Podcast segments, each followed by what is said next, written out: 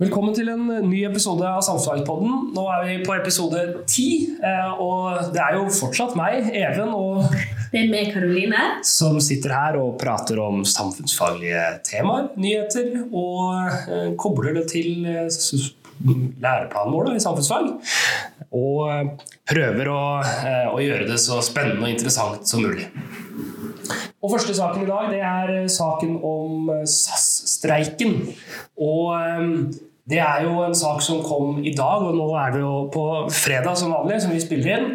Og eh, i dag tidlig så eh, blei eh, ble SAS-pilotene tatt ut i streik. Og det er jo et tema som er sentralt i samfunnsfag. Eh, Vi har et mål som går på å se på organisasjonene til arbeidstakerne og hva slags rolle de har i eh, skal vi se, deres plass i arbeidslivet og for faktorer som bestemmer lønns- og arbeidsvilkår. Og eh, da er vi jo rett i sakens kjerne her nå. For hva er det de streiker for? Er det lønn, eller hva er det? Nei, det er jo En del av det er lønn, som, som pilotene sier. I enhver forhandling så er, det, er lønn viktig. Men eh, de streiker også for eh, arbeidstida si, eller at de skal ha en forutsigbar arbeidstid. For de jobber det som heter turnus, og det vil si at de jobber på og av og har litt sånn eh, Hva skal man kalle det? det? Kan bli veldig uforutsigbar og vanskelig å, å vite når du skal jobbe og når du ikke skal jobbe. Og de sliter med at de må jobbe veldig mange helger på rad og, og, og sånne ting. Og det vil de ha en ordning på. Og det vil ikke arbeidsgiveren deres, SAS, eh, de har ikke den samme forståelsen, da, eh, kan, vi, kan vi si. Og det, og det gjør jo at det blir en konflikt. De klarer ikke å bli enige, og da bruker man de virkemidlene man har. Og arbeidstakerne her, altså, de som, altså pilotene, de som jobber for SAS, deres, deres virkemiddel er jo da å, um, Gå ut i streik? Ja, Ja. Ja, for nå har de sittet og forhandla en stund. Har ikke de det først? Jo, de har det. Mm. Og, og, og streik er jo rett og slett at de sier eh, nå jobber ikke vi mer før dere eh, kommer med et tilbud vi kan akseptere. Og det er jo et ganske kraftfullt virkemiddel, fordi at nå, nå ser vi jo i, nyhetene at det sitter ekstremt mange folk på eh, de ulike, ulike eh, hva det heter for flyplassene i Norge og, eh, ikke, og, og, ikke kommer seg noe sted. det, det, da blir man frustrert. Så nå har de, og det her er jo et selskap som er avhengig av å ha lojale kunder. Og det må vi si at det, den lojaliteten strekker ikke så veldig langt hvis det er et flyselskap som har et fly som går, og du har et fly som står. Så det her er et veldig kraftfullt virkemiddel. Og jeg tipper jo at det her ikke blir en langvarig streik. Eller hva tenker du? Det, Nei, Jeg tror også det. Altså, som du sier, et flyselskap, og ja, her er det stor konkurranse. Altså Fra Gardermoen eh, i Norge så, så er det veldig mange forskjellige flyselskaper som flyr. Og, og den største konkurrenten er kanskje Norwegian. Og de står klare til å ta over de kundene som, som eventuelt blir lei av en, en langvarig streik og, som, som, og, og et ødelagt kundeforhold i, i SAS. Så det er klart, Men det er jo også måte, streikens eh, kjerne, da, eller streikens virkemiddel. Det er at eh, at man taper penger på det. At, at arbeidsgiver ikke har råd til å gjøre det uh, veldig lenge. Og det, ja, og det er jo sånn at eh, man venter ofte med å gå til streik fordi at det er et såpass kraftig virkemiddel. Så det her er et sterkt signal fra SAS sine arbeidstakere om at det her er et viktig krav for dem. Så eh, ja, vi får vente og se hvordan det går. Men så er det jo også noe med de forbrukerne som sitter nå på flyplassene rundt omkring. For Ja. en annen ting vi ser på i samfunnsfag, det er jo faktisk forbrukerrettigheter. Har de noen rettigheter nå når de sitter landfast, eller hva, hvordan er det? Ja, de har jo det. For eksempel så har vi, har vi ei som heter Eirin, som er på vei og skal konfirmasjonen til, til gudbarnet sitt. Og, og kommer seg ikke fram, og det er jo fryktelig trist. Eh, og, og da er det jo for, forbrukerrettigheter, og, og så skal ikke vi gå inn på alle de rettighetene du har, men du har masse rettigheter. Og det avhenger litt av hvor langt du har tenkt å reise. Um, men i utgangspunktet så har du rett på mat og hotell, så de pasientene, nå skal du høre, de de passasjerene som nå sitter på, eh, på, på Gardermoen, de har rett på å få mat. Eh, og hvis det strekker seg over til, til i morgen, så har de rett på hotell. Eh, og jeg leste bl.a. Om, om et ektepar som kom hjem fra Thailand og, og skulle opp hjem til Nord-Norge og sto fast nå på Gardermoen. Og fikk ikke fly før i morgen, og da får de gratis hotell i Oslo. Så det skal kompenseres for den ulempen de da fører. Hva med nye billetter, da? Er det, det er vel sånn at de har rett til å enten få penger tilbake for billetten, ombytt booking eller tilbud på reise på et annet tidspunkt. Ja. Um, Men uh, ja, så da må de ordne med andre flyselskap, da. Ja, må Rett og slett. ja. Og, og det er jo sånn at eh, En streik går ikke under det man kaller for ekstraordinære hendelser. Så Vi, eh, vi husker jo situasjonen med, med disse, disse Max 8-flya eh, fra Boeing som, som måtte bli satt på bakken. Det var det man kalte for, i, i flyspråket innenfor ekstraordinære hendelser. Og da har ikke flyselskapet ansvar for å, for å rette opp i alle disse tinga. Men her snakker vi om en streik, og da er det ikke innenfor ekstraordinære eh, hendelser. Og da, da eh, må flyselskapet sørge for at pasient, nei, pasientene, passasjerene kommer fram. Hver passasjer står det her. Nå leser vi fra NRK, som har lagd en sak på det her. Da. Så hvis du skal ut og fly i helga, så kan det være lurt å kikke på den.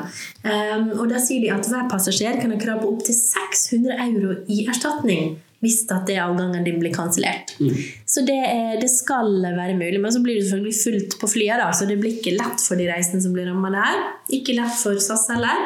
Men et viktig virkemiddel som arbeidere har når vi organiserer oss for å passe på at vi har arbeids- og lønnsvilkår som, som er rettferdige. Da. Ja. Rett og slett. Eh, Vi har også eh, en del av det læreplanmålet som handler om forbrukerrettigheter, at forbrukere også skal eh, diskutere etiske ansvar. Og da kom jeg på et nytt begrep som det har vært en del om i avisen i det siste, som heter fliskam. Har du hørt om det? Nei, jeg har ikke det. Det har oppstått i Sverige.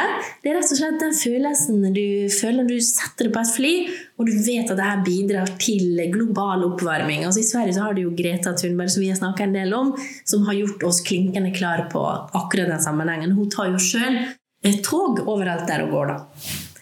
Eh, Så Derfor har begrepet flyskam blitt eh, et begrep. Så det er jo også når vi skal ut og fly, så er det også kanskje noe vi må vurdere da. Kan vi ta toget istedenfor, eller kunne vi tatt det Skype-møtet? Ja. Hva tenker du? Er det noe den enkelte person bør ta stilling til, eller hva?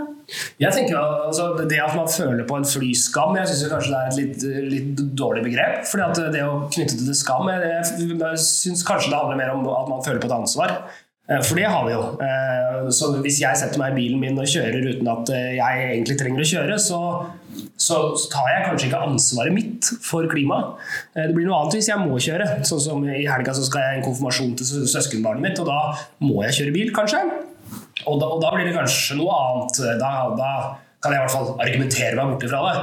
Men, men sånn unødvendig flyving eller unødvendig kjøring, da handler det egentlig om ok, jeg har et ansvar for meg, og du har et ansvar for deg. Og, og, og da tenker jeg at det, det må vi jo tåle å si og tåle å kjenne på. At vi har, har det ansvaret for det rundt oss. Og det, det, det trenger ikke å trekkes lenger enn at, at eh, du har et ansvar for at du ikke kaster søppel på bakken. Og det har vi jo forholdsvis eh, liksom, klar indrejustis på i Norge. At du, du rusler ikke langs gata og så kaster du tyggispapiret på bakken. Eh, Du, du putter det i lomma. De aller fleste gjør det i hvert fall. Um, og litt det samme er det med bilkjøring eller flyving også. Eh, Men, men det har nok ikke kommet så langt, den ansvarsfølelsen knytta til de tingene. Ja. Mens læreplanen oppfordrer da til etisk refleksjon, dvs. Si at vi skal tenke over når vi tar forbrukervalg. Er det her riktig? Er det galt? Har det noen konsekvenser? Mm. Og en ting jeg tenker på også her da, til sist, Hvis vi skal gjøre liksom samfunnsfaglig analyse, så er det jo selvfølgelig at med flyturer som alt annet, så kommer jo økonomisk ulikhet inn på banen. Fordi eh, skal, vi kan lenke til kilder her, men eh, det er en liten andel av befolkningen som står for de fleste flyreisene. Og det er jo selvfølgelig de som har mest midler. De fattigste de flyr jo ikke. Så det er også noe å tenke på. Hvem er det som skal skjemst, og skal vanlige folk skjemst, eller Ja, så den skamfølelsen er kanskje å dra det litt langt, men det er i hvert fall et begrep som har figurert på sosiale medier her og der. Ja. Da tenker jeg at vi har eh, fått prata litt om både streik og forbrukerrettigheter og etisk forbruk. ja. Så eh, da er det et tydelig læreplanmål som elevene kan finne tilbake til. Hvis dere skulle komme opp i muntlig, f.eks., så går det an å bruke de sakene her til å belyse de målene. Ja. Og så går vi over på neste del, og da er det Frode Berg som er på en måte stikkordet. Eh, Og jeg tror for de fleste som har kikka på, på, på nyhetene det siste ja, halve året, har nok i hvert fall lagt merke til navnet Frode Berg. Nå er det et ganske normalt norsk navn, så det er ikke sånn at eh, man tenker oi, det der hørtes rart ut. Men uh, han sitter i eh, et fengsel i Moskva. Og er anklaga for spionasje på Altså norsk spionasje på, på Russland. Og blei i påska dømt til 14 års fengsel i det VG kaller en fengselskoloni. Han er i hvert fall øh, dømt til å sone i, i, et fengsel som ikke ligger i, i Moskva, som ligger ute i, i, i distriktsrussland. Øh, Sibir var nevnt her. Det er jo ikke akkurat en feriekoloni det er snakk om. Så, um... eh, men det er ikke fengselsforholdene som er temaet vårt her, det er rett og slett hvordan det her fungerer. fordi at det, her ser vi en situasjon der hvor Norge sier at nei, det er ikke noe spionasje her, mens Russland sier jo da, det er det. Eh, Frode Berg kom med en konvolutt med penger, og den skulle gis til en person i, i, i Moskva. Og, eh, og, og, her er vi inne på diplomati, og vi er inne på etterretning og, og, hele det bildet her. Og det er klart at Norge er interessert i å, å vite hva som foregår i russiske, eh, russiske eh, interesser og innenfor russisk offentlighet. Og, eh, og, tilsvarende er russerne, så de driver helt sikkert med den samme etterretninga i Norge, da, som man kaller det, og samler inn informasjon om hverandre.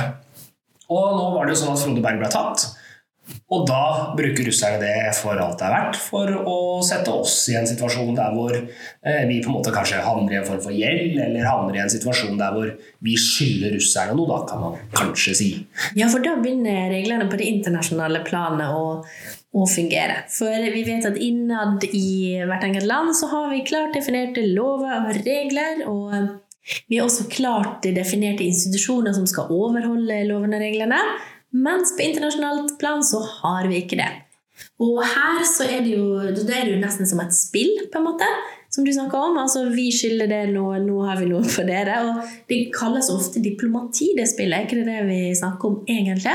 For nå, nå har det vært masse forhandlinger Annet eh, når Erna Solberg nettopp var på besøk hos Putin, så ble det her et tema. Og, eh, så det er ikke i rettssystemet den saken her ble løst, det er i diplomatiet. Ja, og Det er også grunnen til at, eh, at eh, det er Frode Berg som, som da fikk 14 års fengsel og ikke anka. Og anke betyr jo at du sier at 'nei, jeg er ikke enig i straffa'. Eh, han anka ikke. Det vil si, det er på en måte en innrømmelse å ikke anke. Eh, men han sier jo at han ikke er, ikke er skyldig. Og det er jo en sånn, det virker litt rart, for i, hvis, vi, hvis vi sammenligner og snakka om Eirik Jensen-saken, der hvor Eirik Jensen er anklaga for å, eh, for å eh, drive korrupsjon osv., og, så videre, og innførsel av hasj og sånn, så anker jo han. For han er ikke enig i, eh, i straffa som, som er utmålt. Eh, mens her så anker de ikke, og grunnen til det er at eh, å anke her vil bare utsettes, eh, utsette behandlinga videre. Fordi at russerne vil mest sannsynlig fortsatt hevde at, at han er skyldig. Og da er vi oppe på en situasjon der hvor det er benådning. Og benådning betyr at den øverste lederen i landet sier at du får lov til å gå. Um, og det er det jo Vladimir Putin som må gjøre. Uh, og Han ble stilt spørsmålet av norske journalister når Erna Solberg var der. og uh, Det var før eh, Frode Berg var dømt. Og Da sa Vladimir Putin at jeg kan ikke benåde en person som ikke er dømt. og det er jo, Noen norske medier ser jo på det som en, på en måte en, en, et tegn på at han kommer til å benåde den. men dommen måtte bare komme først. Mens andre sier at det det er bare en måte å komme seg unna spørsmålet på. Ja, Det er interessant å høre for eh, forsvareren til Berg. Han er russisk. Han heter Novikov. Og han sier jo at ja, mye bedre å forsvare en utlending enn en russer. Fordi med en utlending så vet man at da blir det en politisk løsning. altså Det er ikke det han som vil løse saken i rettssalen. Han vet at etter dommen eller hva som skjer i rettssalen, så kommer da det politiske systemet, altså diplomatiet, til og kommer til å løse det. Så han sier jo det, han er skråsikker på det. Og han sier at det han forventer at Norges regjering nå gjør alt for å få Berg tilbake til Norge. Mm. Så det her er ikke noe skjult spill heller. Det er som forventa når en utenlandsk borger blir tatt i et annet land. Har vi noe andre Vi har jo noen paralleller med Julian Assange, som vi snakka om sist gang. Altså, da er det igjen politisk spill om, om det. og Det er det ute, det er ikke det rettssalen som teller så lengt. Mm. Ja, vi har også situasjonen med Joshua French og Kjostolf Moland i, i, Kongo. Eh, men der er det jo et eksempel på, igjen på en sak som er mye vanskeligere enn den her. fordi at styresmaktene i Kongo er nok mye mindre hva skal man kalle det, rasjonelle, mye mindre til å stole på, mye mindre vanskeligere å forholde seg til enn det tross alt eh, Vladimir Putin og Russland er, som er en, er en stormakt som, som kan det politiske spillet kanskje i mye større grad. Ja, Hva slags interesse tror vi at eh, Russland har av å være på godfot med Norge? Nei, Det er jo nordområdene. altså Alle områdene og, og nord for Norge og opp mot Barentshavet og, og, og, alt som er av ressurser der. og det, Vi har bl.a. Et, et ganske utvida samarbeid på fiskeri, altså fisk der oppe. som hvis det faller sammen, så har vi store problemer. Eh, og vi deler også Svalbard med, med russerne. Så, så, det er mange områder som de har store interesser av at, at, Norge og Russland spiller på lag. Vi er jo faktisk naboland, så det er ja. Eh, og det tror jeg begge land vil strekke seg ganske langt for å holde en god relasjon der. Du vil ikke være uvenn med naboen din hvis du kan ha et godt forhold. Også når Erna Solberg drar og besøker Russland, så er jo det selvfølgelig en del av den relasjonen, som hun gjorde i forrige uke. Mm. Og det, det, på det arrangementet var, var jo også et arrangement som nettopp er til for å eh, bygge eh, gode relasjoner mellom Norge og Russland på bakgrunn av at vi har nordområdene til felles. Absolutt. Så eh, da, da, har vi vært gjennom et par, par eh, læreplanmål her også. og Knytta til kriminalitet så virker den saken her litt rar. for at eh, Hvis Frode Berg kommer tilbake til Norge, så kommer ikke Frode Berg til å havne i fengsel i Norge. Fordi at eh, I Norge så anser vi ikke det han har gjort som, som, straffbart. Men hvis det hadde vært en person som, en russer i Norge som hadde eh, vært i samme situasjon som Frode Berg i Norge, bare at han var fra Russland, så hadde vi mest sannsynlig gjort det samme. Altså, hadde, Absolutt. Og vi har jo et eksempel. Nå bare kommet til å tenke på et drap som skjedde i Lillehammer for mange, mange, mange år siden. Der eh, israelsk etterretning faktisk drepte en, eh, en palestinsk Nei, De drepte i hvert fall en kelner. De hadde tatt feil av identiteten. De trodde han var en terrorist. Han var en helt vanlig kelner med familie. Og de ble jo ikke tatt tak i det norske rettsvesenet, som selv om drap er jo den alvorligste kriminaliteten du kan begå. Fordi nettopp det var snakk om et internasjonalt diplomati og relasjoner. Så, eh, sånn er det. Da ser vi veldig tidlig forskjellen på internasjonale forhold og interne forhold. Kriminalitet og diplomati. To mm. forskjellige ting. Det er det. Definitivt. Ok, da er vi over på uh, det siste temaet vi skal, uh, skal uh, inn på i dag. Og det er terrorangrepet i Sri Lanka. Ganske alvorlig sak. det er tragisk at vi snakker om terror igjen. Det er ikke lenge siden vi satt her og snakka om terror. Da var det New Zealand, der muslimer ble drept i bønn. Og det angrepet her det er noen paralleller til det New Zealand-angrepet. Ja, det er jo uh, hvert fall uh, det, det, er jo en veldig uoversiktlig situasjon i Sri Lanka akkurat nå. Så, så her er det litt grann, når vi snakka om, om terrorangrepet New Zealand, at det, det, er ikke alt vi veit 100% Men det har jo vært rapporter der hvor de mener at det, det her kan ha vært så typisk hevnaksjon da, for, for uh, terroren i, i, New Zealand. For her er det ekstreme muslimske eller islamske organisasjoner som driver terror på kristne, eh, og også kristne i bønn. For er, her er det også kirker som er angrepet. Så, så på, eh, og det er jo helt fryktelig at vi, at vi ser, ser, sånne angrep på mennesker som er helt, uskyldige. Og det er jo terrorens store og, og fryktelige Eh, på en måte natur. da, eh, for, for, det er jo det som ligger i, i terror. Som, mm, å skape frykt og drepe og ramme uskyldige er et mål i seg sjøl. Ja. Fordi da kan eh, du også gå rundt og være redd for at det kan være deg. Det er ikke bare de som er politisk engasjert, men det kan være hvem som helst. Og jo flere bilder av uskyldige barn som, som er drept, jo større frykt og fortvilelse. Så, og det er jo en veldig ond sirkel vi ser her også når vi driver med hevnangrep. Eh, men hvem er det noen som har tatt ansvar for eh, det her?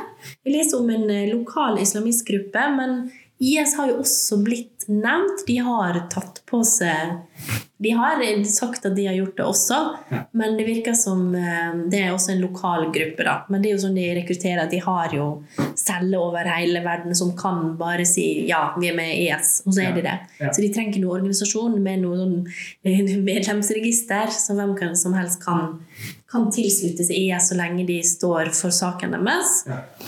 Men disse store, store terrororganisasjonene, og også når det, når det, oppstår terroraksjoner rundt omkring i verden, så, så er de raske ute med å, å, på en måte ta ansvar. og Det er en sånn en rar greie. For hvis du, hvis, du, har en sak i, i, Norge hvor noen blir drept, så vil jo enhver person som er på en måte forbundet med det, vil jo absolutt ikke ha noe med det å gjøre. Det er, liksom, det er ingen som reiser seg opp i Norge og sier sånn 'Det var jeg som gjorde det' når du ikke gjorde det. Eh, og, men, men, terror er det helt motsatt. og det er nettopp for at Du ønsker å være den skumle når du er terrorist og er en terrororganisasjon. så er Det på en måte det du ønsker å være, er skummel. Og Da eh, tar du gjerne på deg ansvaret for og, både ting du har gjort og ikke gjort. Og Det er jo litt uh, utfordring akkurat nå. for uh, Er det IS eller ikke IS? Det man er ganske sikker på, sånn jeg har lest mediene nå, er at det er en uh, islamist som heter Molvi Saharan Mashim, nei, Hashim, som hører til en lokal islamsk organisasjon som, som står bak det. Og så er det jo da spørsmålet hvilke koblinger har denne organisasjonen til IS. Det er jo eh, hvert fall på nåværende tidspunkt vanskelig å, å liksom eh, Det blir spekulasjoner, da, egentlig. Og mange av de mistenkte er jo drept fordi at det er selvmordsbombing det er snakk om, i tillegg til skyting. Og over 290 mennesker ble drept, så det er et enormt eh, angrep. Det omfatter sju forskjellige angrep mot kirke og hotellet. Og en åttende bombe i et hus der en angriper drepte seg sjøl, og tre politifolk. Mm. Så det er, en, det er en helt grusom sak. Eh, det er jo et, et terrorangrep ute av proporsjoner, altså sammenligna med veldig mye annet. Så, så, det er klart det her er en uh, utrolig trist sak, og, og, er terror på kanskje sitt aller, aller verste. Uh, og det man kanskje tenker er at Sri Lanka er et sånt land som ja, ja, men, men vi ser jo at det er veldig mange mennesker som ikke er fra Sri Lanka også, som er, er drept. Og det er fordi det er et ferieland i stor grad. Eh, flere deler av Sri Lanka er populære områder å, feriere i. Så, så det, det, det, er helt klart målretta angrep mot en viss gruppe. Og det er jo like fryktelig når det rammer den ene gruppa som den andre gruppa. Terror er grusomt uansett hvem som står bak det, og hvem som rammes. Så. Men det, jeg tror vi, vi har brukt begrepet polarisering regjering før, men jeg tror at vi trenger det nå også. For det betyr at det, da får du en økt forskjell mellom to grupper. Kanskje ikke det var en så stor forskjell i utgangspunktet. Altså Både islam og eh, kristendommen er jo det vi kaller abrahamske eh, religioner. Altså De har eh, masse felles. Islam anerkjenner jo Jesus som en av profetene. Mm. Så egentlig så burde ikke det være så stor avstand. Men mye pga. det som har skjedd da siden F.eks. Eh, la oss si fra 9-11. Det begynte jo lenge før det også i Midtøsten. Mm. Men det er mye som har skjedd som har gjort at de to religionene og, og mennesker som tilhører de religionene, at det blir mer og mer polarisert. Og noe som vi så i etterkant av det angrepet i Sri Lanka, da kom det enkelte stemmer som sa åh, nå, eh, nå, er det ingen som snakker om hvor fælt det var med de kristne ofre, og det er fordi de er kristne. Det er bare politisk korrekt å snakke om muslimske ofre. Så da ser vi en sånn utrolig dårlig debatt som er med på å bare forsterke de forskjellene, sånn at vi får et fiendebilde der der vi ikke er ett folk, der vi ikke er liksom en verden. Nei. Men vi er to grupper mot hverandre uansett. Og så er det kampen om å få lov å være offer som skal kjempes. Ja. Så det er noe som kjennetegner debatten i dag, og verdenssamfunnet i dag. Ja. Og, det, og, og, der må jo vi som på en måte verken hører den ekstreme sida den ene eller den andre retningen, være veldig Eh, gode og tydelige å forstå, og, og hva som skjer. Eh, og, og, Det er jo derfor vi driver med samfunnsfag i stor grad. Det er for å forstå de tingene her. Og, og forstå at hva, det er ikke sånn at vi trenger å forstå det her på en polarisert måte. De to religionene her er ikke så ulike. Det er ikke sånn at, at eh, vi har eh, muslimer som vil ta over verden. Det er heller ikke sånn at det er kristne som skal, ønsker å, å dominere hele verden. Det er snakk om eh, mennesker over hele verden som bør kunne leve frie trygge, eh, gode liv. Eh, og og det bør vi kunne gjøre uten terror. Og terror er like fryktelig om det går utover den ene eller den andre gruppa. Og, uh, og, og, og, da må vi klare å løfte blikket, og så må vi klare å se vet du hva, Det er egentlig akkurat den samme mekanismen som fungerer her, hvor det angripes kristne, som når, uh, når det er muslimer som angripes, eller det er ungdommer på ei øy i Norge, eller om det er uh, Eller jøder under andre verdenskrig. Det er de samme greiene som, som fungerer, og det er hat mot én type og bestemt bestemt menneskegruppe. Og eh, sånt hat det eh, fører kun eh, dårlige ting med seg. Absolutt. Og det er noe med det fiendebildet som er i ferd med å skapes. Og det er ikke bare ett fiendebilde, men det virker som at veldig mange grupperinger, altså folk som kanskje ikke er en del av en gruppe, plutselig føler tilhørighet til en gruppe, som da blir definert ut fra fiendeskapet til en annen gruppe. Og sånn helt avslutningsvis så kan vi jo, vil jeg oppfordre lytterne våre til å følge med litt på den debatten som er rundt nettstedet Resett for tida. For der føler jeg at vi er inne på de problemstillingene her nå. Vi skal snakke litt mer om det i kommende sendinger. Vi har vært inne litt på det i forhold når vi snakker om Blackbox teater og ytringsfrihet. Men det er en veldig spennende debatt på gang i Norge nå, der vi definerer både ytringsfrihet, men også det der noe med hatefulle ytringer som er med på å rett og slett polarisere oss som folk. Ikke bare i Norge, men i hele verden. Mm. Så det er noe som vi absolutt kommer til å komme tilbake til. Og som vi tenker er kjempeviktig for et samfunnsfag. Mm. At det her må vi få øye på. Mm. Vi kan jo oppfordre eh, lytterne til å se debatten som var i går. Eh, som der hvor, eh, der hvor det her ble diskutert og debattert. Eh, og så kan vi ta det opp neste, neste podkast, for da eh, får vi, får, vi, plass til det der. Og så eh, er det jo Eh, litt som vi har diskutert terrorangrepene i Sri Lanka nå, så kommer vi veldig tett på situasjonen, og da blir det veldig uoversiktlig. Så nå med Resett-diskusjonen uten sammenligning for øvrig, så, så, hvis vi tar det opp i en podkast seinere, så får vi se hvordan debatten nå utfolder seg, og så kan vi diskutere det på litt annen måte enn det vi kanskje hadde gjort hvis vi skulle tatt opp i den podkasten her. For å oppsummere, så Ja. Vi har vært både i, hjemme i Norge i første del og snakka om streik og arbeidsliv og sånne ting. Så har vi vært ute i verden. Vi har snakka om diplomati, som handler om hvordan på en måte maktrelasjonene er på det internasjonale samfunn. Eh, vi har snakka litt om kriminalitet. Eh, vi har sett på hvordan rettssystemet inne i ett land plutselig opphører å eh, ha innflytelse med en gang det handler om internasjonale forhold. Og til slutt har vi snakket om terror. Dessverre er fortsatt en av de mest sånn aktuelle konfliktbildene i verden i dag. Både sett fra norsk ståsted og ja, overalt. Eh, og så til slutt har vi vært litt inne på den debatten rundt ytringsfrihet kontra hatytringer, som er en veldig sånn knivsegg og polarisert debatt. Vi har brukt begrepet polarisering. Ja.